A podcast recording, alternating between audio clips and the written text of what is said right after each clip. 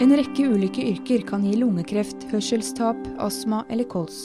Legene må bli flinkere til å melde fra til Arbeidstilsynet, slik at nye tilfeller kan forebygges. Arbeidsmiljøet er fortsatt ansvarlig for en hel rekke sykdommer og skader, og kan ramme de fleste organer via forskjellige mekanismer. Hovedutfordringen for helsevesenet er jo forebygging. Det krever kjennskap til eksponering og årsakssammenheng med sykdom. Eksempler på dette er kreft, lungesykdommer, hudsykdommer og hørselstap. Det sier Tor Olav Brøvik Aasen. Han er pensjonert lungelege, men fortsatt aktiv som spesialrådgiver ved yrkesmedisinsk avdeling ved Haukeland universitetssykehus. I tidsskriftet nummer 20 har han skrevet en lederartikkel om når arbeid gir sykdom, der han omtaler fire studier publisert i samme nummer. Støyindusert hørselstap er diagnosen som hyppigst blir meldt til Arbeidstilsynet. En studie Yogindra Samant og medarbeidere har gjort, viser at det ble meldt om nærmere 8000 slike tilfeller i perioden 2005 til 2009. 96% av dem gjaldt menn, og det er nesten bare bedriftsleger som melder. Forfatterne argumenterer for at det likevel bare er en mindre del av tilfellene som meldes. Dette skyldes nok manglende oppmerksomhet fra legene og også manglende støykontroll på bedriftene. Samant og kollegene mener dagens meldepraksis ikke fanger godt nok opp arbeidsrelatert hørselstap hos kvinner, yngre arbeidstakere og arbeidstakere i bedrifter uten bedriftshelsetjeneste, f.eks. bønder.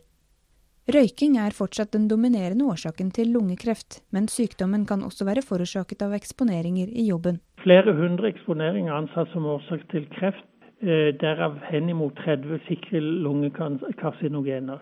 20% av lungekrefttilfellene hos menn er arbeidsbetinget, og underrapporteringen er stor. Det viser en studie Siri Slåstad og medarbeidere har gjort. Asbest, krum, nikkel, steinstøv, dieseleksos, røntgen og gammastråling, stekos og sveiserøyk er bare noen av de mest kjente kreftfremkallende eksponeringene. Slåstad og kollegene har erfart at det å få en gjennomgang av mulige årsaker til sykdommen er viktig for pasient og pårørende, og gir dessuten grunnlag for ytelser fra Nav for flere av pasientene. Da er det tankevekkende at dette ofte blir glemt. Vurdering av mulighet for at yrket kan være årsaken, er en forutsetning for at pasienten kan få erstatning. Oppmerksomhet om dette kan også sette en på sporet av nye eksponeringer som årsak til kreft, spesielt når det opptrer flere enn ett tilfelle. I likhet med lungekreft oppstår ikke kols bare pga. røyking.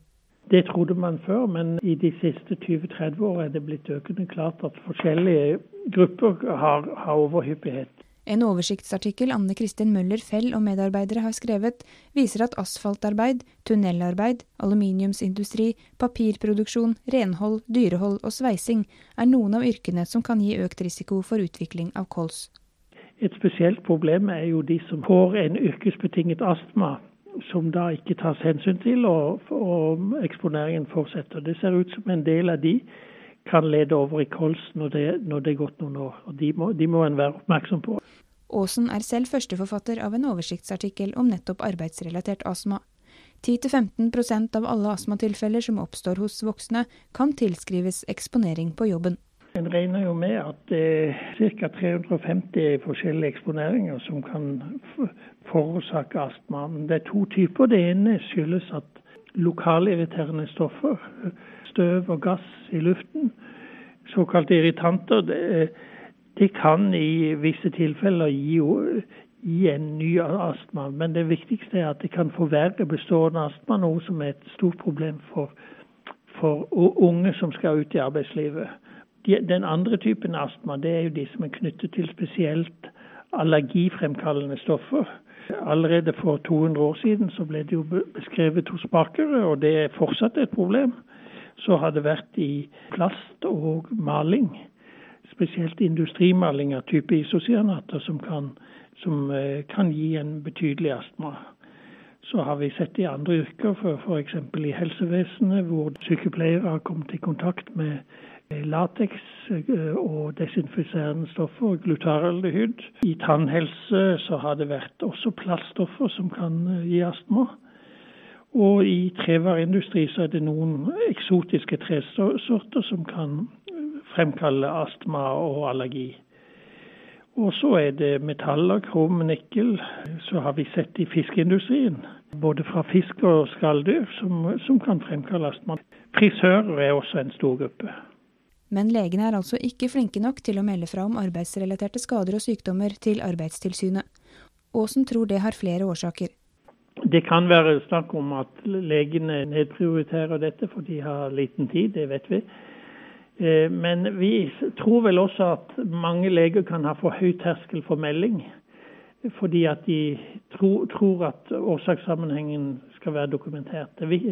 I, I lovens krav så er det rett og slett at legen har mistanke om årsakssammenhenger. For da kan Arbeidstilsynet der få inn slike bekymringsmeldinger og, og legge opp et forebyggende innsats som er adekvat i forhold til det som beveger seg ute i, i samfunnet.